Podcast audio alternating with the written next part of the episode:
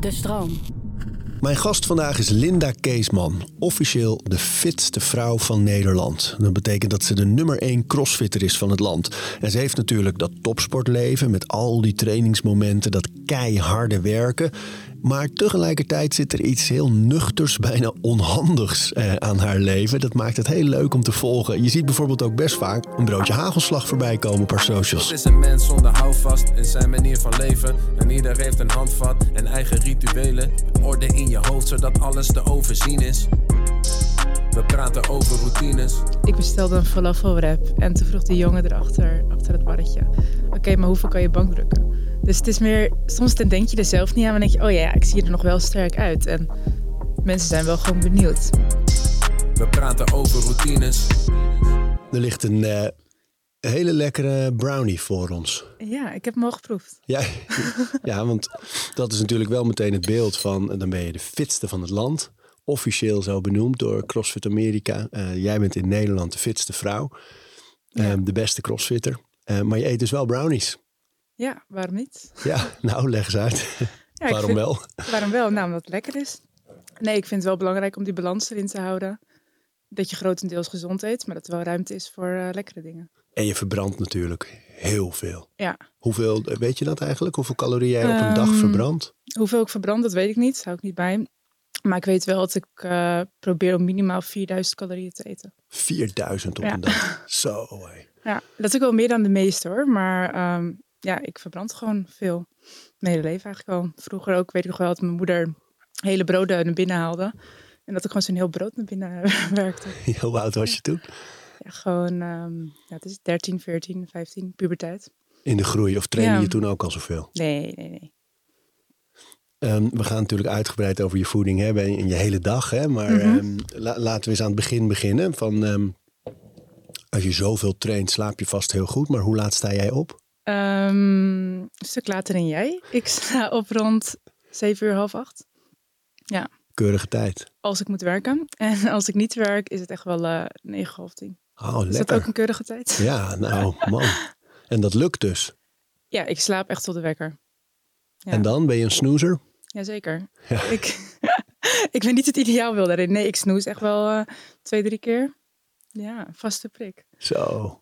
Is zo grappig aan jou. Van, je bent dan die nummer één crossfitter. Maar je hebt heel veel van die dingen waarvan anderen zullen zeggen. Ja, Ja, weet je, met, eh, qua eten dus brownies en hagelslag zie ik je vaak op je stories. eh, Ja. Lekker naar binnen harken en dan inderdaad snoezen. Van, eh, maar en toch werkt het voor jou, hè? ja, ik denk dat een kwartiertje snoezen, dat dat niet zo'n grote negatieve impact op mijn dag heeft, dat ik er minder goed door zou presteren.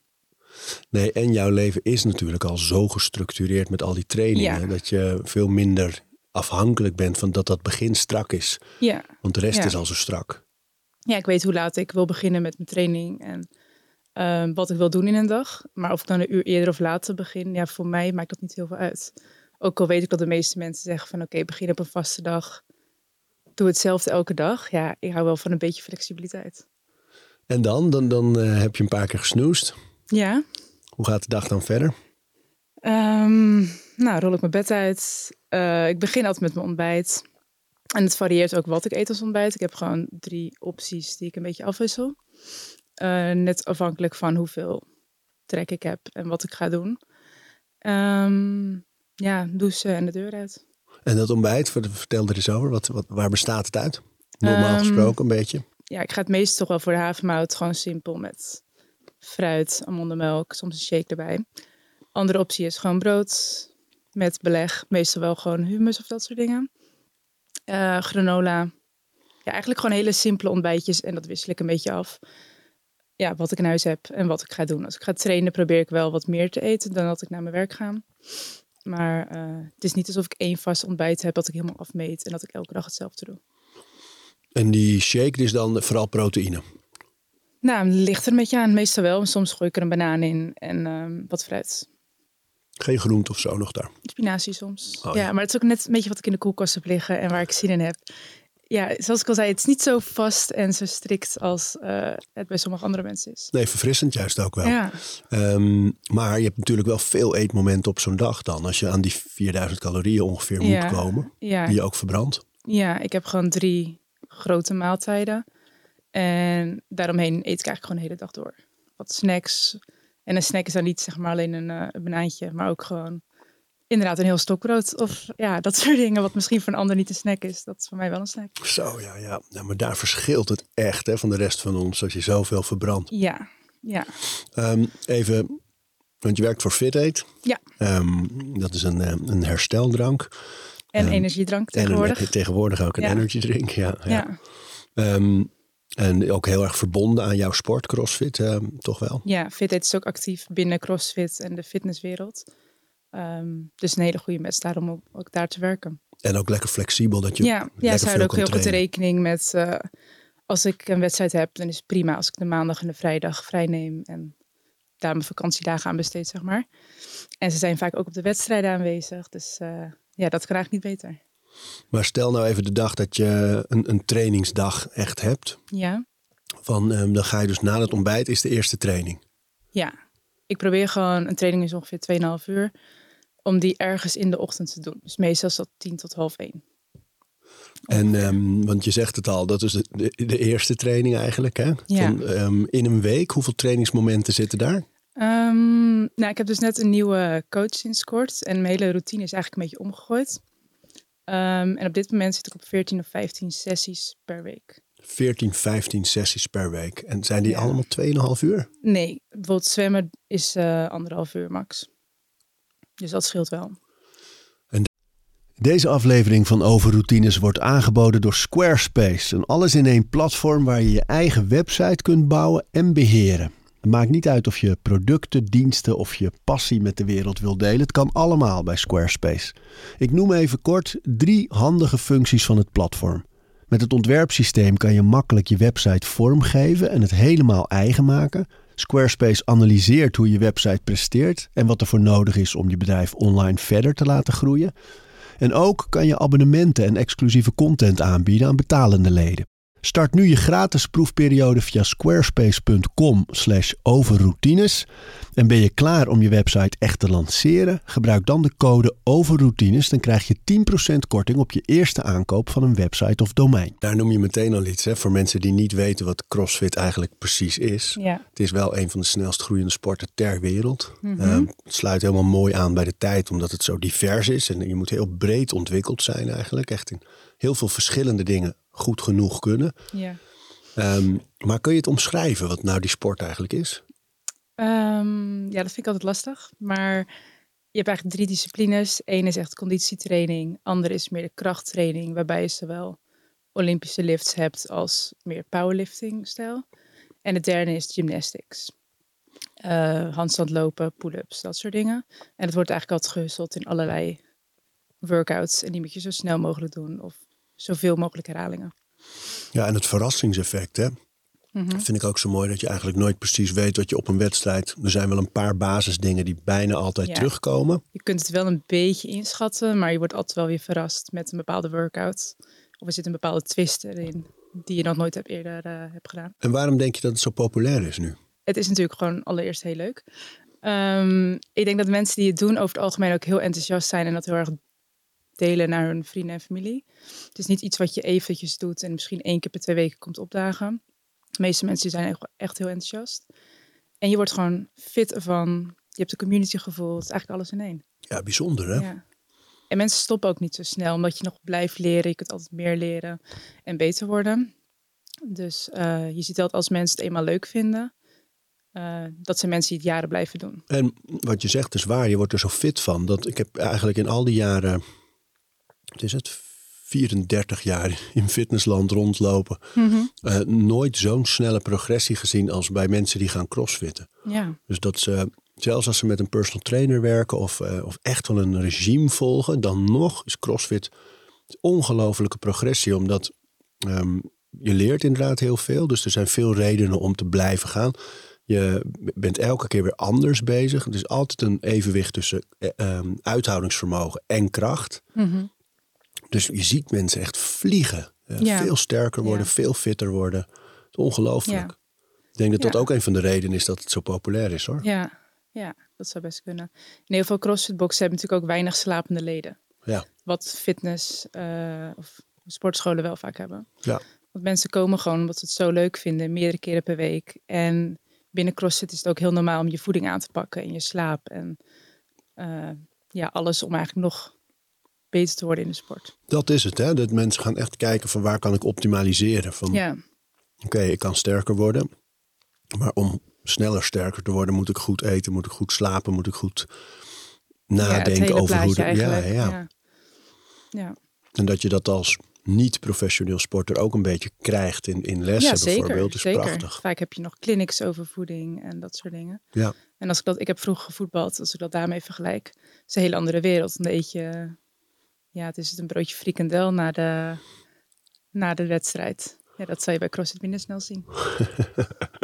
Even, even daarna terug, hè, voordat we verder gaan met die 15 trainingsmomenten eh, per week. Dat meisje, dus die koos al, dat koos al wel voor, eh, voor voetbal. Wel een sporter al. Ja, ik heb mijn hele leven wel gesport, maar ik heb verschillende dingen gedaan. Als kind geturnd, niet op een bijzonder niveau, het was gewoon lokaal. En ehm, daarna gevoetbald en een jaartje geroeid en van alles eigenlijk gedaan, een beetje hard gelopen.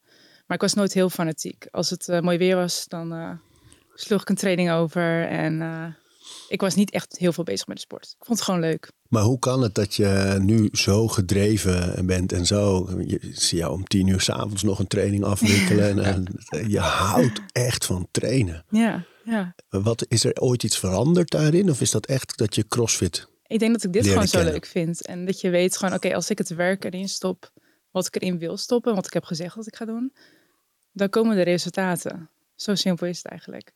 Dus eh, ik hou mezelf niet voor de gek door ja, de kantjes ervan af te lopen. Ik, gooi, ja, ik geef gewoon alles en uiteindelijk zijn de resultaten ook daar. Ja, Ja. maar eh, dan nog, van, eh, ja, er moet toch ergens iets zijn geweest wat jou zo geraakt heeft in die sport. Weet je, kan je dat benoemen, wat dat dan precies is? Ja, ik weet niet of dat één ding is. Het is gewoon het plezier dat je er elke dag uithaalt. Ook omdat ik het met vrienden doe. In het begin is natuurlijk, ga je naar een sportschool. Ik wilde twee kilo afvallen. Iets strakker zijn. Ik kon geen pull-up of dat soort dingetjes. Maar dan verschuift je doel naar, oké, ik wil een pull-up. Je wilt sterker worden. En op een gegeven moment leer je de mensen kennen. Wordt het ook nog gezelliger. En voor je het weet hang je de hele dag daar rond. Train je de hele dag. Eh, en voelt het eigenlijk als een sociale activiteit. En dat kan dus naast werk. Ja, het is niet ideaal twijfelt, het is wel natuurlijk. moeilijker. Het is niet ideaal, nee. Maar eh, tot nu toe, ja, het lukt. Ik zou het ook wel graag anders zien als ik heel eerlijk ben. Maar Ja, je bent er nu mee bezig hè, om die omslag te maken eigenlijk van ehm, eh, echt, echt, nou, zoals een prof, eh, een topsporter echt. Helemaal volledig gericht op die sport. Zodat het werken niet noodzakelijk is. En sponsors dienen zich ook wel hier en daar al aan. ja, ja, klopt. Ja, uiteindelijk is het herstel gewoon zo belangrijk. En op maandag train ik niet ehm, en ga ik dus naar kantoor. En ehm, in een ideale wereld gebruik je die dag om te herstellen. Dus dat heeft gewoon ja, uitslapen, misschien naar de sauna, gewoon je boodschap, je huis op orde, misschien een etentje met iemand, een boek lezen, weet je wel, dat soort dingen. In plaats van dat je eh, ja, druk bent met werk en daarna nog even snel misschien naar de supermarkt gaat, je gaat slapen en dat is het. Het is niet ideaal, maar het is mogelijk. Maar het, is, ja, het vraagt wel veel van je. Ehm, die trainingen, we zitten nog in je dag. Je bent na het ontbijt naar je eerste training gegaan. Is, er, is die eerste training altijd een bepaalde discipline? Nee, nee het scheelt eigenlijk eh, per dag. Elke week is wel vergelijkbaar. Dus ik weet wel van, oké, donderdagavond is bijvoorbeeld een zwemavond. Maar ik kan niet zeggen van, elke woensdagochtend doe ik hetzelfde. Nee, dat scheelt gewoon wel echt per keer. En ik heb gewoon, ehm, ik heb een coach die voor mij programmeert. En afhankelijk van wat hij in mijn programma, programma stopt, ehm, ja, doe ik wat daar staat. Dat ga je gewoon volgen. Ja, ja, en dat gaat wel in overleg hoor. Want neem eens mee naar die, stel, oké, je gaat naar die eerste training. Wat doe je? Een beetje kletsen met iedereen. en dan een half uurtje opwarmen, mobiliseren en dat soort dingen. En vaak is het wel kracht, maar het hoeft niet. Het kan ook zijn dat je gewoon echt met conditietraining begint of met skillwork. Ehm, dus je bent gewoon eigenlijk twee à tweeënhalf uur van alles aan het doen. En dat zijn voor jou hele bekende termen. Hè? Dus Maar, maar als we ze alle drie eens afpellen wat het precies is. Een Ja. krachttraining bij jou. Ja, ook dat scheelt weer. Het kan dus meer ehm, olympisch gewicht heffen zijn of een onderdeel daarvan. Waarbij je dus met een zware barbel ehm, ja, gewicht naar je schouders zou plaatsen of boven je hoofd eigenlijk. Maar het kan ook gewoon squats, deadlifts, eh, meer de klassieke krachttraining zijn. En om meteen even een indicatie te geven van waar jij op dat soort lifts eh, zit. Een back squat, dan zeg maar de, de normale squat, Ehm 150 kilo. 150 kilo. Ja. En dan heb je eh, die, Olympische, die echt die snatch, hè, die mensen misschien kennen van de beelden van de Olympische Spelen. ja, dat is dat je hem in één keer boven je hoofd gooit. Ja, vanaf de grond in één keer boven je hoofd. Ja. Wat pak je daarop? Ehm 90 kilo vanaf de blokken en volgens mij 87 vanaf de grond. Zo joh. Ja. Ja. En er zit nog veel ruimte in. Ik denk nog wel dat het beter kan. Maar het kost tijd. Het is gewoon hele, ehm, eh, hele, het komt heel nauw. De timing en hoe je het doet. Dus het duurt vaak jaren voordat je één of twee kilo erbij pakt. Helemaal als je langer bezig bent met de sport. En pull-ups, hè? want je vertelde net dat dat meisje dat die gym binnenliep eh, nog geen pull-up eh, Mhm. kon. En nu zie ik je er wel eens gewoon minutenlang. Ja, de kipping pull-up dan, hè? die ronddraaiende ja de beweging. butterfly. Die ja. lijkt op de, eh, eh, de, de butterfly vooral. Die lijkt op de butterfly beweging bij zwemmen ook. Mhm, ja. Ehm, maar pull-ups, hoe, als, je, als, je, dat- als je dat bijvoorbeeld dus, zo lang mogelijk zou doen, hoeveel? Strikt bedoel je dan? Ja, Strikt zal het 15 zijn, denk ik. zo. Strict Dus- betekent dus dat je echt helemaal geen hulp gebruikt. Ja, geen momentum. hangen, trekken omhoog. Helemaal weer eruit en weer. Ja, ja. Zonder momentum te creëren met je lichaam of Ja. je billen of je wat dan ja. ook. En dat is wel een vereiste om de andere oefeningen te doen met meer momentum. Eh, maar uiteindelijk train ik de efficiëntere manieren vaker. Want uiteindelijk wil je gewoon snel zijn op een wedstrijd en ga je niet strikt je pull-ups doen. Nee, en dan bedoel je ook van efficiënter is dan inderdaad met zo'n draaiende beweging. Hè? Die, ja, eh, dat je je die heupen butterfly en je, beweging. je momentum eigenlijk gebruikt. Ja. Ja, en dan komt elke keer die borst zo in de buurt van die stang Ja. of net erboven. Ja. En, ehm, maar, maar even voor zo'n workout, om een beeld te geven hè, voor mensen die dat niet kennen. Dan heb je bijvoorbeeld eh, Fran of wat dan Oh, ook. nou dan noem je er eentje. ja, maar, maar, maar Die heb beschrijf ik nooit gedaan. Ja. Oh nee, Nee, ik ben een van de weinigen, denk ik. dat is echt een klassieker in CrossFit, ja. toch? Ja, Die is nog nooit op een wedstrijd voorbij gekomen bij jou. niet als ik meedeed. Nee. Nee, wauw. En, ehm, maar noem eens een ander voorbeeld van, want ik vind het zo mooi om een beeld te geven van die herhaalde bewegingen. En dat je bijvoorbeeld eh, zoveel mogelijk rondes moet maken in 20 minuten, Ja. waar die pull-ups bij zitten. En hoeveel je er dan eigenlijk wel niet maakt in totaal. Ja, het kan natuurlijk zijn dat je, ja, ik zeg maar wat, vijf rondes doet van 20 pull-ups, 20 meter handstand lopen en 20 snatches bij wijze van. Dus weer de barbel. Nou, als je dat dus vijf rondes doet, doe je 100 per eh, oefening in een hele korte tijd. Dus we zeggen in een paar minuten. En daarna loop je 10 minuten uit te hijgen en bij te komen. En dan doe je weer een andere workout of eh, ja, ander werk. dus als ik zeg twee uur trainen, is het niet alsof ik twee uur non-stop train. Je werkt, je rust uit, je werkt, je rust uit. Ja. En wat je nu zegt, hè, van de meeste mensen, denk ik, vermoed ik, die luisteren. Al is de over routines luisteraar natuurlijk wel bovengemiddeld geïnteresseerd in van alles. Maar ik vermoed dat de meeste mensen geen 20 pull-ups kunnen maken. Ehm, dus ook niet, en zeker niet in butterfly techniek. Nee, Maar eh, dan doe je er dus vijf keer 20. ja. Ja, Met, met amper rust ertussen. Ja, Tenminste, die ja. rust wordt ook nog eens ingevuld door een andere zware oefening. ja. En daarom probeer je ook een beetje slim te zijn. Van oké, wanneer breek ik het op? Neem ik vijf seconden rust? Neem ik tien seconden rust? En uiteindelijk elke seconde telt. Dus des te langer je de sport doet, des te meer je je lichaam kent en weet waar je je tijd moet nemen, waar je goed in bent, waar je moet pushen.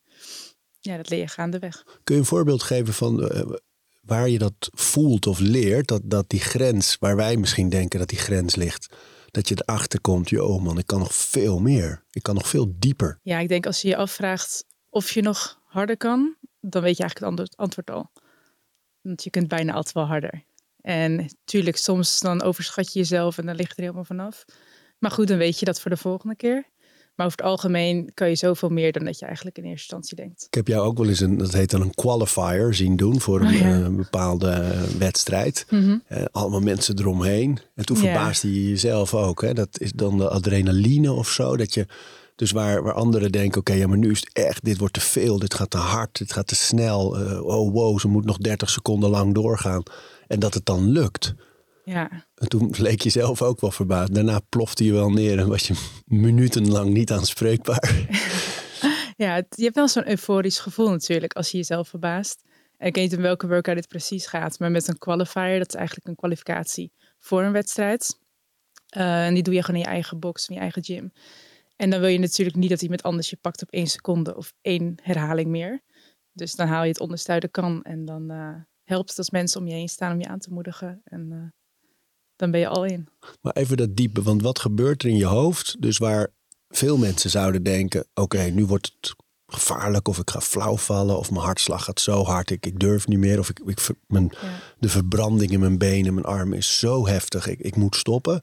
Dan zit er dus in Ja. jouw hoofd nog ergens een schakeltje dat om kan. Ja, dat gaat eigenlijk niet eens door mijn hoofd heen. Nee? Dat ik denk, ja, tuurlijk, je lichaam, alles wil stoppen. Je bent moe, je bent bij het adem, je hartslag is eh, totaal niet meer onder de controle.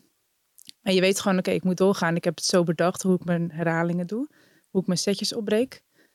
En dat doe je dan gewoon. En als iemand zegt, ja, nog één minuut, dan moet je helemaal niet nadenken. Dan ga je gewoon.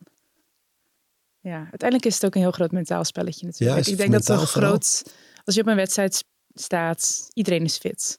Natuurlijk, de ene is iets fitter dan de ander. Maar ik geloof meer dat de top vijf of ja, de betere...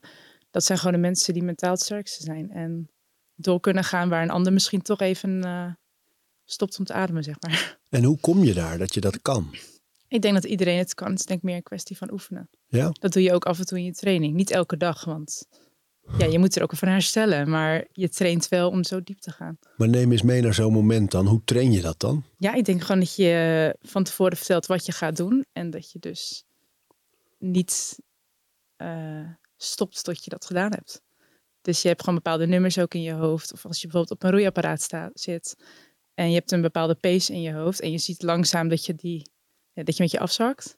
Ik denk dat sommige mensen er akkoord mee gaan. En andere mensen denken, nee, nee, wacht. Ik heb gezegd dat ik deze eh, pace aanhoud. Dus ja, dan brandt het maar wat meer. Maar dat bedoel ik, dat vind ik zo interessant. Want daar, ook als je alleen traint, bijvoorbeeld, ook heel veel gebeurt natuurlijk. Ja, dan is dat, het is bijna een metafoor voor hoeveel veel mensen in het leven staan. Van je kan, als jij er dan afstapt van die roeier, is er niks aan de hand. Er is niemand in de buurt die gaat zeggen: Hé hey Linda, het was nog niet klaar. Hè? Of hey, je had je voorgenomen. nee. nee, je doet het uiteindelijk ook voor jezelf. Ja, En je weet gewoon als ik de kantjes ervan afloop in mijn training, ja, dan kan je niet verwachten dat je het goed doet op een wedstrijd. en gaat het dan alleen om die wedstrijd? Of denk je ook na over de rest van het leven? Dat het een soort karakterbouwer is ook voor andere dingen? Ik denk wel dat het doet. Het bouwt je karakter, maar dat is niet waar ik over nadenk als ik daarmee bezig ben. Dat is meer ik denk hoekje. alleen maar, come on.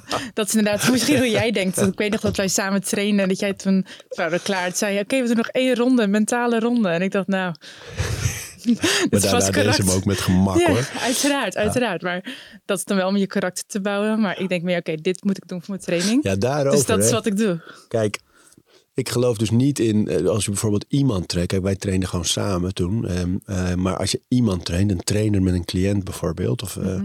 als je dan iemand verrast met een extra ronde, dan, dan schaadt je eigenlijk het vertrouwen. Dus Ja. als een trainer zegt, kom op, nog één, nog één. En je gaat met al je moeite doe je die één. En hij zegt, nee, we doen er nog vier bijvoorbeeld. Ja. Ja. dan de volgende keer ga je inhouden. Ja, dat kun je één keer doen. Ja, Ja. maar wij hadden toen, volgens mij, dat we twijfelden, waren we wel klaar? Of was Ja, het, Nou, ik weet het eigenlijk niet meer. Ik weet alleen dat het we hebben een paar keer samen getraind. twee jaar geleden. Maar ja, Maar ik dacht dat het zo zat dat wij twijfelden of we de rondes vol hadden.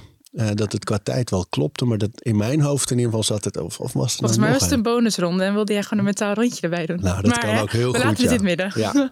Maar ja, dat, dat, ik vind dat dus zelf een van de leuke dingen aan, aan trainen. Om jezelf inderdaad eh, naar die grens te brengen. Maar ook om dan erover na te denken hoe dat vertaalt naar de rest van je leven. Want op het moment dat jij inderdaad op die roeier zit. En je hebt je voorgenomen 20 calorieën te roeien eh, in een minuut. eh, dan moet je hard trekken. Mhm. Ehm, je weet ook, als ik er afstap bij 19, draait dat wieltje nog wel even door. En dan gaat hij naar 20. En dan... Maar ik, mijn gevo- gevoel is, en een overtuiging eigenlijk wel, is dat dat in de rest van je leven dan ook gebeurt. Dat je dan ook om tien voor vijf die kantoortuin uitloopt, omdat, ja, wie is er? Er is toch niemand om dat te controleren. Of, eh, ja, ik hoorde Ben Bergeron, ook een beroemde CrossFit coach, een keer eh, de ethische vraag stellen over dit soort vraagstukken. En die zei, zou je eh, vals spelen met je belastingaangifte als niemand er ooit achter zou komen? Dat was zijn gewetensvraag. Zou je vals spelen of zou je je eh, belastingaangifte v- verkeerd doen eigenlijk, hè, gunstiger doen, eh, als niemand daarachter zou komen? Ja. En dat vond ik zo'n eh, confronterende eh, vraag eigenlijk. Want daar gaat dat type training ook over. Van als niemand jou controleert terwijl je daar zo diep aan het gaan bent, Mhm. dan zit er in jou iets van ja, maar ook in mijn eentje ga ik tot ik neerval. Ja, ik denk dat je je vooral moet afvragen waarom je überhaupt die training doet. En ik doe het om zelf beter te worden. En niet zodat een ander ziet hoe snel ik ben of eh, dat diegene ziet dat ik 20 calorieën roei. Dat maakt me niet uit. Ik wil gewoon zelf beter worden. Dus doe je wat je met jezelf hebt afgesproken om te doen. Al- Over rituelen en routines. Hè? Dat- Als zo'n training inderdaad een keer niet gaat zoals je wil. Dat, dat, dat je eh, lifts mist en dat er dingen gewoon even net niet lekker lopen. Hoe ga je daarmee om? Ehm, ja, dat gebeurt natuurlijk af en toe. En het eerste wat je afvraagt is, oké, waarom gaat het niet? Soms kan je het heel simpel verklaren. Ehm, is iets nieuws wat je aan het doen bent? Of eh, zit je met je hoofd eigenlijk ergens anders? En als iets is wat je zelf kunt verbeteren, dan is het van, oké, nou oké, volgende keer slapen we beter. Of eten we beter. Of zorg voor een andere trainomgeving. Of dat soort dingetjes. Maar ja, het hoort erbij. Je kunt niet verwachten dat je altijd een goede trainingsdag hebt dat is gewoon niet realistisch. Dus dan denk je, oké, nou, het is misschien niet gegaan zoals ik had gewild, maar ik heb wel gegeven ja, alles wat ik in me had. Dus het is wat het is. Op naar de volgende. En dat doet me eraan denken wat jullie op wedstrijden vaak hebben. Want die wedstrijden bestaan vaak uit eh, events. Mhm. Ehm, en meerdere, soms wel vijf op een dag, of in ieder geval drie. Ehm, stel nou dat de, een van de events slecht is gegaan, hè, dat, dat, dat maak je natuurlijk wel eens mee. En dan moet je weer naar die volgende. Hoe schakel je daar tussen, dat je dat loslaat? Ja, er zit soms anderhalf uur of twee uur tussen een workout. Dus ehm, ik geef mezelf dan vijf minuten om even te balen, stoom af te blazen. En daarnaast, oké, snel eten, herstellen, vergeten. Probeer het op je korte termijn geheugen te gooien en dan gewoon weer vooruitkijken. De punten die er nog liggen, die probeer je te pakken. En wat gebeurd is, is gebeurd. Uiteindelijk moet je er ook gewoon heel simpel en nuchter eigenlijk naar kijken. Je kunt niks veranderen aan wat je die ochtend hebt gedaan of die workout daarvoor. Maar, en helpt Ja. dit ook in de rest van het leven? Dat je dat, Natuurlijk. Als Ja? je het een beetje nuanceert en probeert te controleren wat je kunt controleren, dat helpt wel. Dus je kunt wel de hele dag erover inzitten over die ene slechte workout, waardoor misschien een andere workout niet half zo goed ging als het had kunnen gaan, omdat je met je hoofd nog. ja, mooi hè? Dat is eigenlijk gewoon anderen. waar ze het dan in, in mindfulness altijd over hebben. Je moet Ja. nu leven, nu. Maar Ja. dit is precies dit. Ja, Loslaten wat er al eh, nou, misschien niet ging zoals je wil. Want daar heb je nu geen invloed meer op. ja. En je ziet soms ook, en dan kan ik het voor mezelf een beetje, ehm, ja, hoe zeg je dat? Ehm laat zien dat het echt zo werkt. Dat je soms ziet dat iemand een hele slechte workout heeft gedaan. Maar toch, omdat ze die anderen zo goed doen, dat ze bovenaan eindigen. Hey, en even over. Dus als, ik denk steeds aan dat, dat meisje dat van, van turnen en voetbal en, en roeien. En wel een beetje sporten. En neem een hap van je brownie. Hè? Daar maak ik een hele lange vraag van. Want ze zijn echt lekker. Ehm, uitkwam bij, bij wat er nu gebeurt. En wat er dan ook met je lichaam gebeurt. Want ik ken je nu inmiddels ook best wat jaartjes al. En, eh, en heb dat ook echt zien veranderen. Als jij, toen je binnenkwam, je post wel eens foto's of eh, video's ook van je eerste lifts. Soms nog in andere boxen ook, in gyms. Ja. Ehm, en tot nu. Hoe is dat voor jou als je lichaam ook zo verandert? Ja, dat vind ik wel een lastige vraag. Want enerzijds probeer ik mezelf wijs te maken van oké, het hoort erbij. Het gaat om hoe hard je werkt. Je hebt een soort van verdiend. Ehm, en het straalt heel veel discipline en kracht uit. Want je krijgt niet zomaar een gespierd lichaam. Maar soms denk ik ook, ja, ik wil eigenlijk gewoon mijn oude lichaam weer terug. Ja? Ja, want ehm, ik voel me heel fijn in mijn lichaam als ik gewoon op het strand ben of in de gym. Dat is allemaal prima. Maar als ik dan weer een keer in normale kleding eigenlijk eh, loop, dan merk je toch van ja, mijn schouders zijn eigenlijk wat te breed voor de standaard kleding in de winkels. En dan is het toch wat minder comfortabel. En het is niet alsof ik me beperkt daardoor voel. Maar het zijn wel momenten dat je denkt, nou, dat is wel een nadeel. En heb je het gevoel dat dat opschuift? Dat, want dat gaat over een schoonheidsideaal ook een beetje, hè? Ik denk wel dat over het algemeen, eh, vroeger was het natuurlijk hoe dunner, hoe beter. Dat was een beetje de uitspraak van de media. En nu is het meer van oké, fit, sterk, gezond. Ehm, dat is eigenlijk belangrijker dan de maat. En eh, ik denk dat er wel een soort van shift in zit. Maar uiteindelijk is het meer als je jezelf gewoon goed voelt in je lichaam. Dat is natuurlijk waar het om telt. Ja. Waar het om gaat. En eh, het is gewoon even wennen als je ineens ziet dat je, als je bijvoorbeeld, ik weet nog heel goed, ik was mijn haar aan het borstelen. En dan eh, nou, in de, voor de spiegel. En ineens zag ik zo'n bicep. Dat ik, oh jeetje, oh sorry. Toen dacht ik ineens, oh jeetje, hoe, hoezo heb ik dit ineens? Want het is natuurlijk niet van de een op de andere dag gekomen. Er was wel één dag dat ik dacht, oh, Dat het ineens binnenkwam. ja, ja. En toen, wat dacht je daar toen, toen van? Ja, ik, ehm, ik vind het niet mooi, ik vind het niet lelijk, ik vind het gewoon neutraal. Eh, en ik vind het mooi omdat er, of mooier, omdat er dan heel veel hard werk achter schuil gaat. En de discipline die ermee gepaard gaat. Maar ik heb nooit zoiets bij mezelf gehad van, oké, ik wil heel graag gespierd worden. Dat is voor mij nooit een doel op zich geweest. Het is meer een bijproduct van het fitter worden. Je ziet het functioneel. Ja, ja. En ik weet ook de komende jaren, ik blijf gewoon lekker doortrainen. Mijn lichaam zal zich blijven ontwikkelen. Dus misschien word ik nog gespierder. En ja, dat is nou eenmaal wat het is. Je hoort natuurlijk ook wel eens dat, dat dan met name mannen trouwens, eh, eh, eh, die niet trainen vooral, zeggen ja, ik vind het te mannelijk. Ja, Hoe reageer je daarop? dan denk ik, oké, ja, kan je vinden. Ja, niet iedereen hoeft alles mooi te vinden. Ik snap alleen niet waarom mensen het nodig vinden om het te delen. Maar ik denk dat, dat er wel een, daar echt een shift in zit. Want ik merk het zelf ook, ook natuurlijk omdat ik in een omgeving leef Ja, waar heel veel eh, sterke vrouwen zijn. Maar, ehm, maar ik denk ook dat het veranderd is. Dat het eh, ook ehm, veel aantrekkelijker gevonden wordt, zowel door vrouwen als door mannen, om, om sterk te zijn. Om gewoon een sterk lichaam te hebben Ja. en om niet bezig te zijn met hoe anderen vinden dat je er misschien uit moet zien, maar om gewoon te zijn. En dat sterk iets positiefs is. ja. Ik denk dat de meesten dat zo zien. Sterk is wel iets positiefs. Ehm, maar je zult altijd hebben dat mensen er anders over denken. En dat is ook oké. Het maakt op zich niet uit. Maar ik ben wel blij dat ik gewoon blij ben met mijn lichaam als ik gewoon over, over het strand loop. En dat ik gewoon in sport, sportkleding kan kopen, weet je, lopen. In een kort broekje. Of eh, ja, ik maak me daar totaal niet druk om. Hoe reageren mensen erop die je, die je niet kent? Nou, eigenlijk hoor ik heel vaak, als ik bijvoorbeeld in de zomer ga trainen in zo'n booty short, weet je, dat, dat is gewoon heel kort.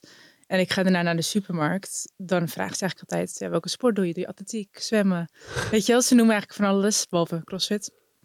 Dus, eh, Allemaal, zeg jij dan. ja, alles.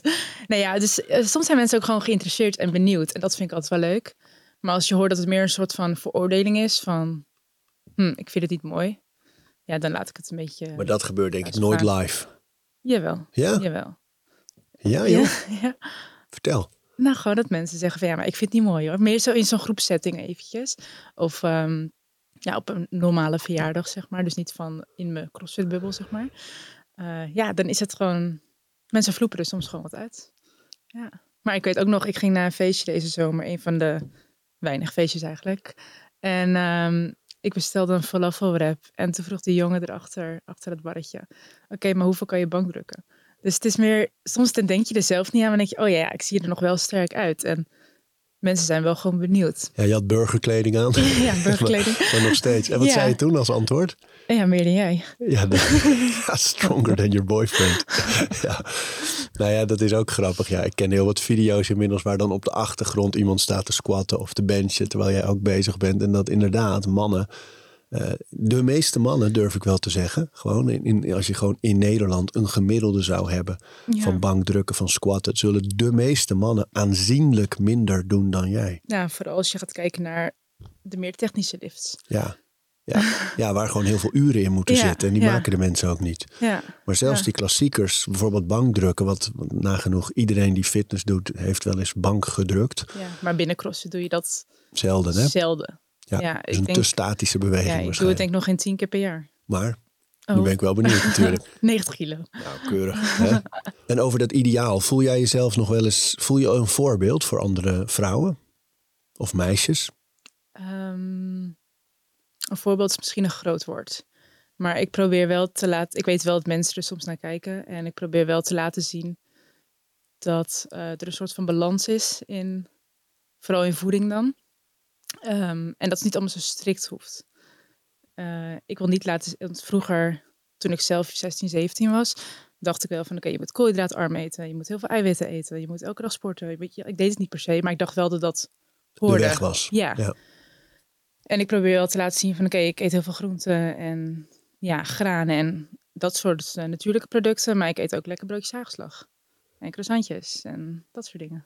Ja, je moet ook wel, denk ik. Als je die 4000 calorieën moet Ja, halen, dan kom je bijna niet met drie maaltijden. Ja, het kan natuurlijk wel, maar het wordt een stuk makkelijker als je af en toe er wat bij neemt. dat gewoon eh, lekker calorierijk is. Want daarover nog even. Dus dat, dat ontbijt was me duidelijk. Dan, dan ga je naar die eerste training. Dan Ja. na die training meteen een volgend eetmoment. Eh, ja, eigenlijk mijn lunch en mijn avondeten zijn vergelijkbaar. Het zijn gewoon meestal warme maaltijden. Dus het kan een curry zijn, een pasta, dat soort dingetjes. En ja, het is eigenlijk heel simpel. Het, ja, ik, soms is het ook wel een boterhammetje of zo. Of niet één dan, maar een hele stapel. Maar eh, Doe je dan alles hetzelfde? ja, ik ben- beleg? vaak ben ik wel een beetje simpel. Dan denk ik, ja, vandaag neem ik een bakje hummus mee. en dan smeer ik de een naar de ander. Maar en smeer je ze allemaal tegelijk. En dat je ze daarna zo Scooby-Doo, weet je. Dat Nee, je zo'n heel stapeltje hebt. Het En is dan- echt, het denk, meestal zit ik dan gewoon in Vondelgym en dan leg ik zo op die bordjes. Het zijn niet echt grote borden, maar het past net aan. Leg ik gewoon zo vier boterhammen, een half uitstekend. Die doe ik met beleg, eet ik op, volgende vier. Ik weet dat toen ik in de groei was en heel veel basketbalde en trainde. eh, dat ik ook echt wel eh, anderhalf brood per dag. Eén brood is 24 sneetjes, weet ik nog uit die tijd. Ja, En eh, ik had er ongeveer 36 op een dag. En dat, alles was hetzelfde beleg. Dus dan, eh, dan was het een dag jam of een dag ontbijtkoek. Dat Ja. waren zware dagen, want Ja. dat was boterham met ontbijtkoek. was dus echt, dan eh, varieer je alsnog over de hele week. ja, ja. Ja, het was niet elke dag hetzelfde, maar het was wel gemak van oh, het smeren. En ik Ja. moest dan altijd een paar broodtrommels mee naar school, want het was nog de tijd van school. Ja, En, en dan had ik grote broodtrommel voor de grote pauze, klein broodtrommeltje voor die. En dan op school kocht ik soms nog wat appelkoeken erbij als ik Ja. centen had van een krantenwijk. maar ehm, je, het kan niet op. En dat, jij hebt dat Ja. eigenlijk omdat je zoveel traint, nog steeds. Dat je verbranding is zo sterk dat het Mhm. bijna niet uitmaakt wat je eet. Maar wat zijn dan toch nog je afwegingen in, in gezond versus energie? Bijvoorbeeld suiker. Hè? Je noemt hagelslag, je eet een brownie. Als, als ik dat heel veel doe, merk ik het heel sterk aan mijn energie. Dat ik, dat ik dip. Dat heb jij niet, denk ik. nee, daar heb ik geen last van. Nee, ik eh, denk dat mijn basis gewoon echt wel goed, natuurlijk en gezond is. Dus gewoon veel granen, veel groenten, peulvruchten, dat soort dingen. En daaromheen vul ik het gewoon aan met makkelijk eten. En dat is niet altijd per se super lekker of super gezond, maar ook gewoon meer praktisch. Ja, dat zijn echt die calorieënbouwers. Ja, ja, en ik hou er ook rekening mee als ik getraind heb. Ehm, ik zeg dat ik gelijk een maaltijd doe, maar eigenlijk binnen vijf minuten heb ik vaak al wel eh, bijvoorbeeld zo'n babyfruitje. Of gewoon even normaal fruit. Ja, zo'n knijpfruitje. Oh ja, zo, ja. van Ella's Ja, of eh, Ella's ja, die knijpzakjes. Ja. Ja. die zijn lekker, hè? Ja, dat is hartstikke makkelijk. En eh, kijk, calorieën zet niet echt soda aan de dijk, maar Wat suikers, wat ja, vitamine. het is gewoon even lekker, makkelijk. Ja. Fit eet je erbij. Dus om even te kijken, je eet best wel veel koolhydraten, Ja. en veel proteïne. Ja. Uit wel, welke bronnen haal je die proteïne allemaal? Ehm, de basis is gewoon uit voeding. Ehm, maar uiteindelijk zit overal proteïne in. En als je zoveel eet, ik kijk niet per se naar, oké, ik eet ehm, ja, een, eh, een vleesvervanger of dat soort dingetjes voor proteïne. Het is meer alles bij elkaar. Dus in havermout zit ook eiwitten. En als je gewoon zoveel eet, kom ik makkelijk aan de 2 gram per, eh, hoe zeg dat? per kilo, lichaamsgewicht. Ja. Ja, daar hoor ik makkelijk aan. Dus ik hoef niet echt moeite te doen om extra eiwit te hebben en ik, eh, binnen te krijgen. Dus ehm, aanvullend heb ik dan af en toe nog een eiwitshake. Maar of het nou echt nodig is, weet ik niet. Maar het is ook gewoon een beetje een routine dingetje. Dat je denkt, oké, nou, ik vind het lekker. Eh, het kan geen kwaad. En het is goed omdat je sowieso je eiwitten binnen hebt. Ook al heb je die dag een beetje anders gegeten. Ehm, dus het maakt het gewoon heel makkelijk. Maar ik hou het niet allemaal bij. Nee, maar wel, je zorgt ervoor, je hebt die drie maaltijden en je hebt best veel momenten nog tussendoor Ja. om extra bij te Ja, vullen. ja. Op welk tijdstip hou jij op met eten? Ligt eraan hoe laat ik naar bed ga. Maar ik eet eigenlijk gewoon de hele dag door. Dus ik, ik, ik slaap ook heel goed. Als ik mijn hoofd kussen raakt, dan eh, ja, ben ik weg. Dus eh, ik kan prima een kwartier voordat ik ga slapen nog echt veel eten. Ja, dat is denk ik wel een luxe. eigenlijk, hè? Ja. ja, ik heb denk ik gewoon een vrij makkelijk lichaam in dat opzicht. Ja, Want ik vraag me wel vaak af, als je, als je dan op zo'n wedstrijd bent en je hebt zo'n inspanning geleverd, hè, van vijf van die workouts eh, over een dag verspreid of drie, zeer intensief. Er komt adrenaline bij, teleurstelling, overwinning, eh, al die dingen spelen. Daar zit zoveel in je hoofd. Dan is er op wedstrijden ook vaak eh, veel cafeïne nog om te boosten. Ehm, slaap je dan meteen na zo- zo'n avond? dat zijn eigenlijk de enige dagen dat ik minder goed slaap. Maar dat is niet zozeer om de cafeïne. Want dat, als ik dat eh, drink, is dat 's morgens. Eh, dus tegen de tijd dat ik in bed lig, is dat wel uitgewerkt. Ehm, Want dat doe je niet. Stel dat je zo'n wedstrijd, je hebt in de ochtend de eerste dingen, in de middag nog. En dan in de avond heb je vaak ook nog een programma. Voor dat avondding neem je dan niet nog extra Nee, cafeïne. ik weet als ik dan eh, nog aanvullend cafeïne neem, dan wordt het wel een hele lastige nacht. Dus dat probeer ik niet te doen. Nee, als ik dan kijk naar Lowlands, dat was een wedstrijd, ja, de belangrijkste van dit jaar eigenlijk. Eh, dan heb ik gewoon s'morgens mijn cafeïne eigenlijk genomen. En dan de rest van de dag is het meer gewoon een banaantje voor dat je de workout doet bijvoorbeeld. Dat geeft ook een klein beetje energie, maar daar heb je verder geen last van. En als je dan slecht slaapt, is het meer omdat je honderdduizend keer die workout blijft herhalen of denkt over de workout van morgen. En ja, denk gewoon meer algemene stress. Ja, want het zijn meerdaagse events ook nog Ja. altijd. Hè? Ja. En dan ga je gewoon piekeren, ja, dat gebeurt. En dan denk ik ook, je kunt nu wel eh, gaan stressen over het feit dat je weinig slaapt, waardoor je nog minder gaat slapen. Of je denkt gewoon, oké, ik weet dat ik een wedstrijdweekend heb. Ik weet dat mijn slaap waarschijnlijk een beetje aan gort is. En eh, dat ik mijn uren misschien net niet haal. Maar ja, zo so be it. Mijn broer stuurde mij, eh is een hardloper. Mhm. En die stuurde mij een video door van een echt zo'n high school hardloopcoach. Gewoon zo'n hele oude Amerikaan met zijn... Alles was cliché aan de man, maar eh, die was een, een kleedkamer vol eh atletiekatleten aan het toespreken hierover. En die zei eigenlijk precies wat jij zei. Van, ja jongens, voor zo'n wedstrijd, de avond voor die wedstrijd... zal je waarschijnlijk slecht slapen. En hoe meer je daarover eh, druk gaat maken, hoe erger het wordt.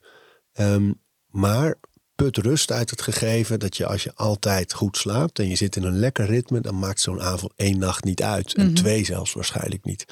En, Ja. eh, en, en hij zei precies wat jij zei. En dat geeft je rust en dan zal je alsnog in slaap komen. Ja. Maar dat is weer dat loslaten, waar heb ik wel invloed op? Ik leg me erbij neer dat het zo is. Ja. Het is echt een soort levenshouding dan. ja, eigenlijk wel. Ik denk dat heel veel dingen ook van toepassing zijn op de rest van het leven. Ja, Waar ik dan, als ik klaar ben met CrossFit over een paar jaar, alsnog eh profijt van kan hebben. Ja. ja. En dat betekent ook niet dat je gewoon overal maar oké mee bent, van als je minder slaapt. Ik probeer wel de week ervoor eh, hier en daar een uurtje extra te pakken. Omdat je gewoon weet, ja, dit weekend wordt het waarschijnlijk anders. ja, ja. Ja. Want een goede nacht voor jou, hoeveel uren bestaat die? Ehm, een goede nacht zou ik zeggen 8,5. En doe je dutjes overdag op die trainingsdagen? Nou, wat ik soms wel eens deed, als, we hadden eerst natuurlijk de yogaruimte.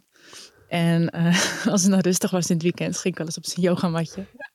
Even een dutje doen. En soms ga ik naar huis, maar dan kijk ik toch liever nog tv of dat ik gewoon op de bank ga hangen dan dat ik echt ga slapen. Nee, en dat is wel. Ik verbaas me daar soms over. Die topsporters Pieter van de Hogeband vertelt dat wel eens. Dat hij op de 24 uur 11 uur sliep. Ja. Dus de, de nacht was dan een, een goede 8 of 9. Mhm. En dan overdag had hij eh, na de ochtendtraining volgens mij een nap. Maar dan na de middagtraining echt, echt, ging echt ook even weer slapen. Ja. En, ehm, en best wel diep ook. Je zou denken dat je helemaal in de war raakt. Maar 11 je bent uren, gewoon moe. Ja, dat is het. Ja. Ja, maar wat dat betreft, er zitten veel lessen in voor de rest van ons, denk ik. Zo'n topsportleven. Maar het is ook wel echt anders, hè? ja, het is wel echt anders. Als ik kijk naar eh, mijn vrienden die ja, gewoon een werkleven hebben, zeg maar. Gewoon een kantoorbaan of iets anders. Ja, dat ziet er heel anders uit. Die gebruiken ook de avonden meer voor sociale dingen. De weekenden zijn om leuke dingen, zeg maar, te doen buiten werk. En eh, als ik naar mezelf kijk, de weekenden zie ik meer als... Je hebt geen afleiding, dus je kunt nog beter trainen. Ja, dat is toch gewoon anders. Heerlijk, heerlijk. Ja. Hey, en ehm, wat ik me wel vaak afvraag bij topsport is of je ermee bezig bent. Nou, laat ik het zo zeggen. Ik ken topsporters die in hun carrière al te veel begonnen na te denken over de jaren daarna. En daardoor minder goed gingen presteren. Of een beetje alsof je met een half been al eruit stapt, weet je wel. Mhm. Maar hoe ga je om met dat vraagstuk? Van je bent nu vol op die sport aan het gaan. Ehm, speelt dan ergens in je hoofd al de gedachte aan, nou, dat, dat kan nog, eh, nog jaren in jouw geval, maar ooit komt er een moment dat je stopt. Mhm. En dan? Is, is dat al een vraag? Oh nee, daar maak ik me totaal niet druk om. Nee, het scheelt misschien ook dat ik nu juist eigenlijk eh, een weg aan het zoeken ben naar fulltime trainen. En eh, ik heb gestudeerd, ik heb een master, ik heb gewerkt. Dus ik heb gewoon werkervaring. Dus ik maak me niet druk om wat hierna gaat komen. Ik ben meer bezig met, oké, hoe kan ik ervoor zorgen dat ik nu fulltime kan trainen? In plaats van te werken. Dus Ja, eigenlijk mooi, meer andersom van Ja, Eh, hoe heel veel andere to- topsporters misschien ja. ja die topsporters die, die- dan zo vroeg erin Ja. rollen, die missen die opleidingen Ja. vaak. En die andere Ja, dingen ik ben die natuurlijk vrij laat begonnen. Ja, hoe, laat, hoe oud was je toen je echt begon? Nou, met de sport, dat is zes, zeven jaar geleden. Maar dat ik echt zo fanatiek ben, dat doe ik pas sinds mijn 24ste. Dus ja, dan heb je gewoon al gestudeerd en heb je al wat werkervaring. En omdat crossfit natuurlijk ook niet echt een lucratieve sport is, ehm, werk je ook gewoon tijdens het sporten.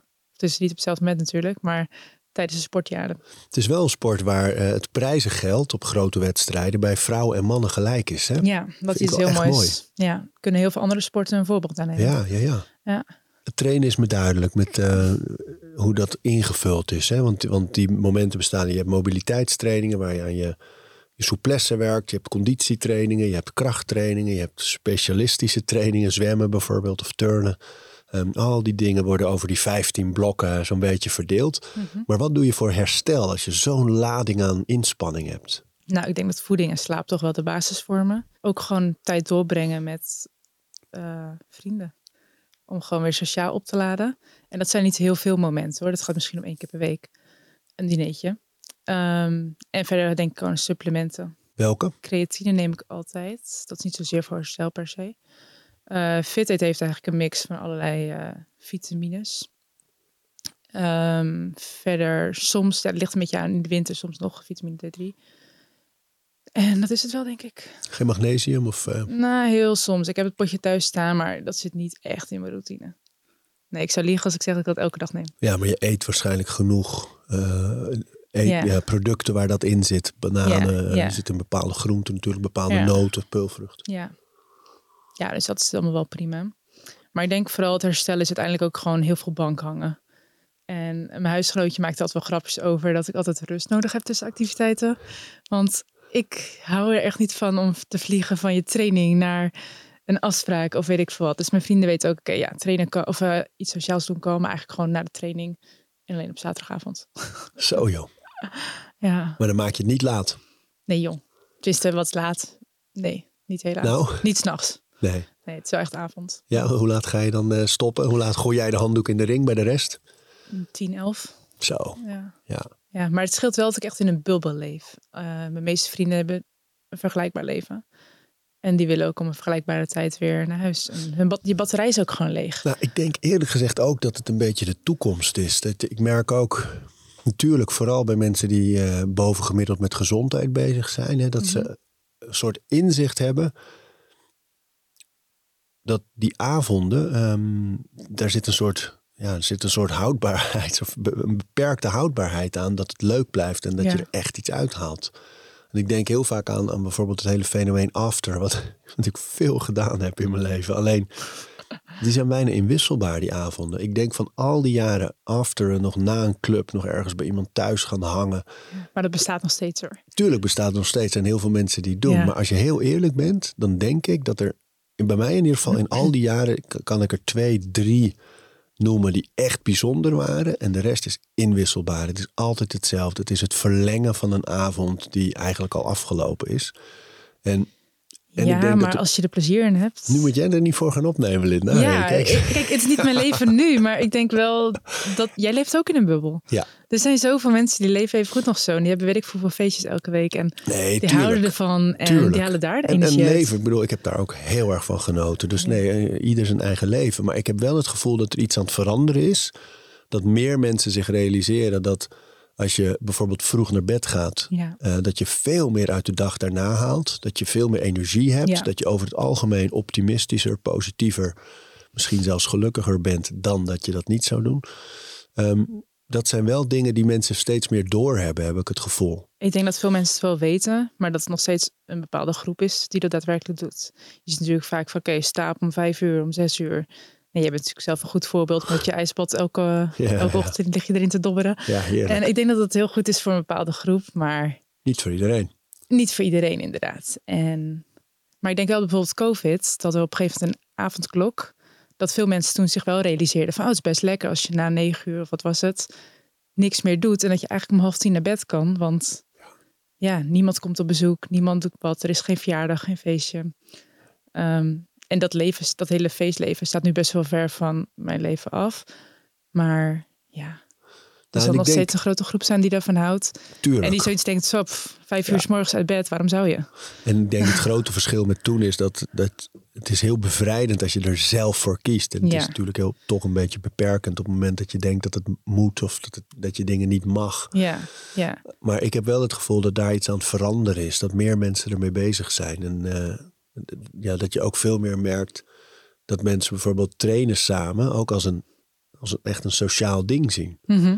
En, ehm, en, en daarna nog iets samen doen misschien. Maar dat ja, mensen die vroeger alleen maar naar clubs gingen, nu soms ook daarin iets vinden. Ja. Dat is wel eh, denk ik iets Er dat zijn het gewoon veranderen andere manieren om samen te komen. Ja, ja, Ja, ja, ja. En waar je ook af kan vragen. Want ik, ik, ik weet ook nog wel dat ik dan soms na zo'n uitgaansavond, waar ik echt, dat moet gezegd, ook echt heel erg van genoten heb hoor. Maar ook wel vaak thuis kwam en zo die trap opliep. En in mijn geval stonk toen nog naar rook, weet je wel, omdat je overal nog mocht roken. ja. Ehm, en dan ging ik liggen en dan dacht ik, ja, wat, wat, wat was er nou uniek aan deze avond? Maar dat is ook een beetje hoe mijn hoofd werkt. Alleen ik, ik wil wel altijd, ik wil een ontmoeting of ik wil iets dat net even anders is dan anders. ja en, niet elke avond was een topavond. Nee. Nee. En, en ehm, waar dat met trainen misschien ook zo is, dat niet elke training is top. En dan moet je daar ook bij neerleggen. Maar ik, ik vond dat toch wel vaak dat ik dacht. En dan de avonden dat ik bijvoorbeeld ehm, iets vroeger afhaakte. Mhm. En daardoor ook iets beter op kon staan de volgende ochtend. Dan dacht ik vaak, oh, wat, wat, wat was dat een leuke avond. En ik ben op een soort hoogtepunt weggegaan. Dus het Ja. was ook geen, eh, geen glijbaan naar beneden nog aan het einde van de avond. Ja, ik had het wel op het einde van mijn studententijd. Koos ik steeds vaak om iets eerder weg te gaan. Gewoon als ik dacht, oké, dit is het hoogtepunt. Ik vind het goed zo. Eh, ik ga naar huis of weet ik veel wat ik ga doen. Geeft heel veel voldoening, toch? Ja, ja. Ja. Ja. Maar dat is misschien ook, een beetje ouder wordt of zo. Ik weet het niet. Hoe oud ben je eigenlijk? ik ben 28. Ja, kijk joh. Ja. ja, jij bent ook geen 25 meer. Nee, ik ben 48, hè? Ja. Gewoon 20 jaar er nog bovenop. Ja. Doe je geen, even nog over herstel, geen massages en geen eh gyro's? Ehm, of... Giro doe ik niet. Massages. Ehm, ja, het is gewoon heel duur. Heel simpel gezegd. Dus het liefst zou ik het natuurlijk elke week doen. Maar dat is gewoon niet te doen. Maar het is wel dus eigenlijk wel iets wat je zou willen doen. Als het je lukt om helemaal die... Ja. ja, het is gewoon heel belangrijk en goed voor je herstel. En hetzelfde als ehm, ja, de fysio bijvoorbeeld. Hoe vaak doe je dat? Ja, dat zijn wel afwegingen die je maakt. En eh, nou, naast Vondel Gym heb je nu zo'n mooi, mooie ruimte ook in de buurt voor massages en herstel. Ja, dat is een walhalla. Maar ja, ja. het is ook een prijskaartje. Ja. Heet het. Het is Ja. mooi gedaan. Ja, dat is eh, van de Urban Sports Group. ja, het is heel mooi Ja. en fijn. Die ja. hebben ijsbaden. Ja, die hebben... ik heb wel eens in deze podcast mijn, mijn nieuwe idee voor Tempel Tempel eh, verteld. Over dat is een, badhuis ehm, met sauna, ijsbaden en massages. Mhm. Dus eigenlijk een recovery studio. Ehm, en zij hebben dat eigenlijk een beetje. Alleen zij zitten nog echt wel in de wellnesshoek. Dat mensen in de sauna ook bloot zijn en zo. En eh, dat het allemaal heel chic uitziet. Eh, maar het is wel echt een mooie plek. Ja, veel sporters gaan er al heen. ja, het is fantastisch. Ja. Nou ja, wat ik knap vind is dat je bijvoorbeeld ook voor, voor, voor sponsors waarvan je een ander op het hoofd zou krabben van ja, hoe ga ik dit nou eens. Je hebt bijvoorbeeld Zo, een, een schoonmaak, eh, heel mooi merk, leuk Mhm. merk. Ehm, maar om daar iets creatiefs van te maken, elke keer weer, is natuurlijk best wel een, een, een talent ook. Nou, een talent zou ik het niet willen noemen. Maar ja, in principe maak je natuurlijk nooit een foto of een filmpje als jij een eh, keuken schoonmaakt. Of een barbel schoonmaakt. Nee, en ja, Maar jij doet dat wel en ook nog leuk. Ja.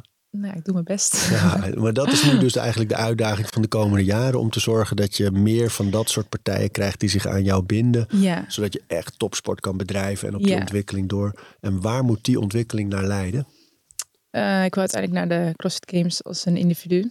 De wereldkampioenschappen voor CrossFit. Ja. Ja, en daarmee, eh, daarvoor kan je plaatsen via eh soort regionals. Dus je moet top 10 waarschijnlijk, het is niet helemaal bekend, eh, in Europa worden. Ja, En vorige keer was plan. je op die Europese... ik was toen elfde, maar toen waren de regels ook weer anders. Dus het is niet zo dat ik er toen één plek naast zag, dat er toen meerdere plekken naast. Maar ehm, het scheelt gewoon, elk jaar veranderen ze de regels en de kwali- kwalificatieprocessen.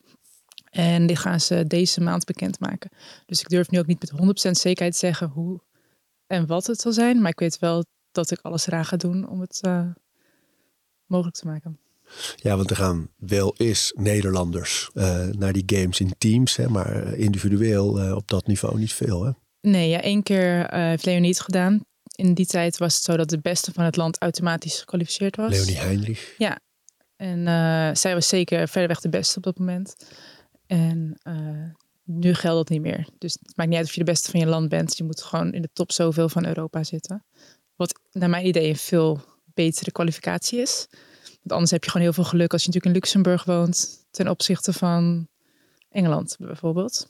Ja, dat was het vroeger. Dus als je de beste van je land was, dan Ja. mocht je naar Ja. die wereldkampioenschappen. Ja, en nu kijken ze naar voorbij. regio's. Sommige mensen vragen me ook, vind je het niet jammer omdat je nu de fitste van Nederland bent? Maar ik wil wel het gevoel dat ik het echt, echt verdiend heb. Weet je dat ik er ook wat te zeggen heb? En nog even over rituelen en routines. Heb jij een ritueel, een gewoonte ehm, die je afwikkelt voordat je gaat? Bijvoorbeeld op dagen dat je even denkt, oef, Nou, op een gegeven moment is het meer gewoon, oké, pak je spullen en ga. Je moet het ook niet ingewikkelder maken. maken dan het is. maar, maar bijvoorbeeld En op ik zorg wel je... voor dat ik misschien nog net even wat meer eet. Of dat ik wat beter eet. Of nog een paar glazen water erachterin go- achteraan gooi.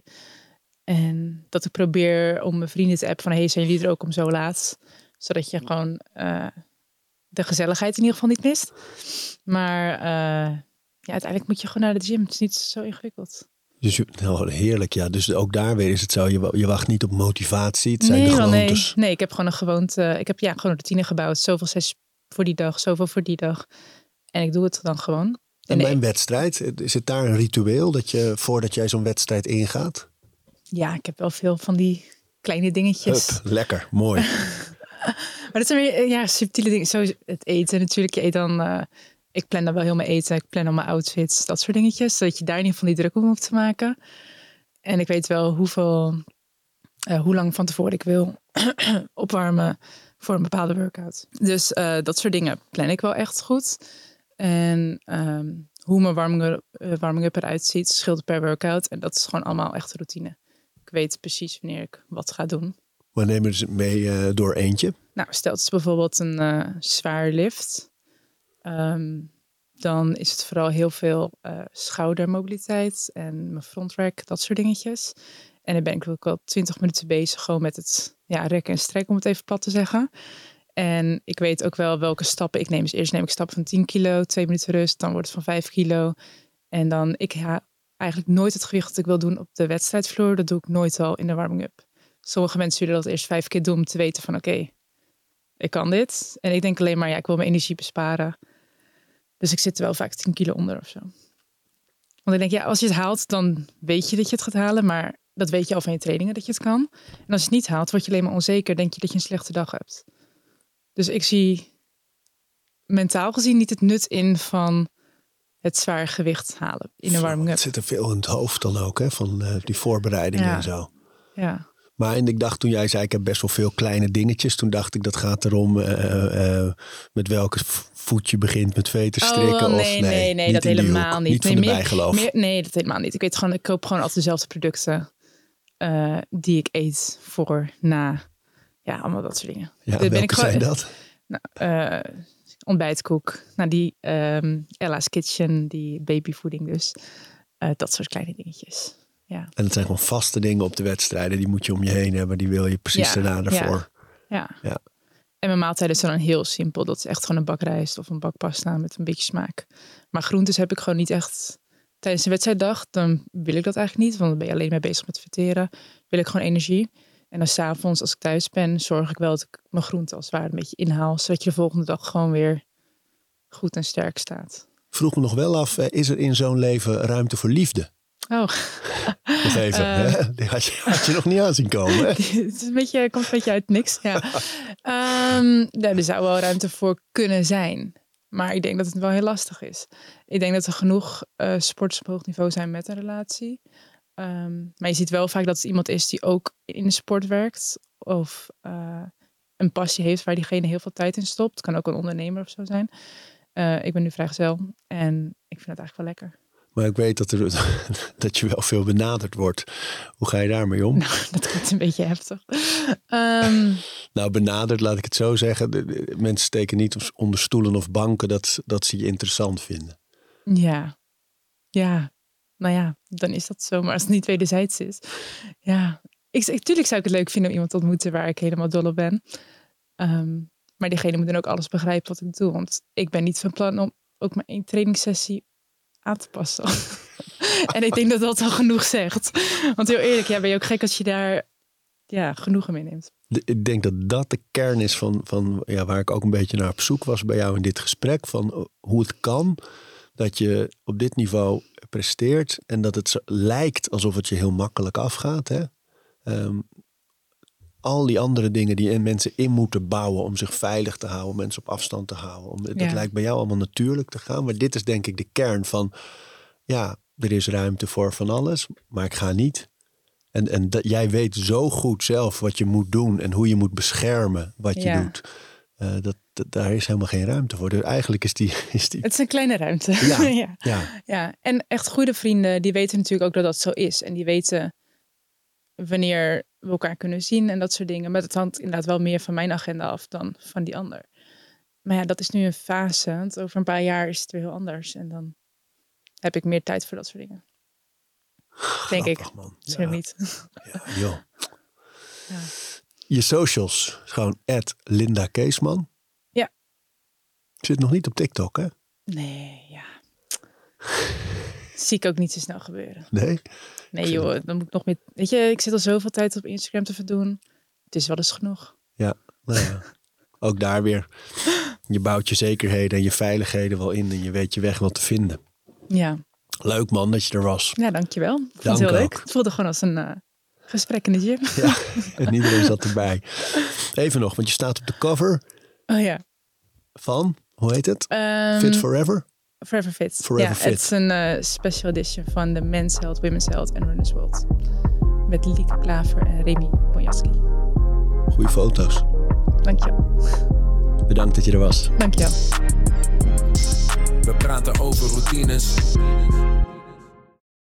Dankjewel voor het luisteren. En voordat je weer doorgaat naar andere dingen, wil ik je nog even wijzen op Over Inspiratie. Dat is het mailtje dat ik elke donderdag rondstuur met drie tips. Dingen waar ik zelf veel aan gehad heb. Het kunnen producten zijn, artikelen die ik gevonden heb online, onderzoeken, eh, Instagram-accounts, podcasts, boeken, van alles eigenlijk. En ik denk dat je daar zelf ook veel aan kunt hebben. Dus vind je het leuk om dat mailtje elke week te ontvangen? Dan kun je je opgeven op ariboomsma.nl onderaan de pagina. Dan krijg je voortaan elke donderdag in je mailbox over inspiratie.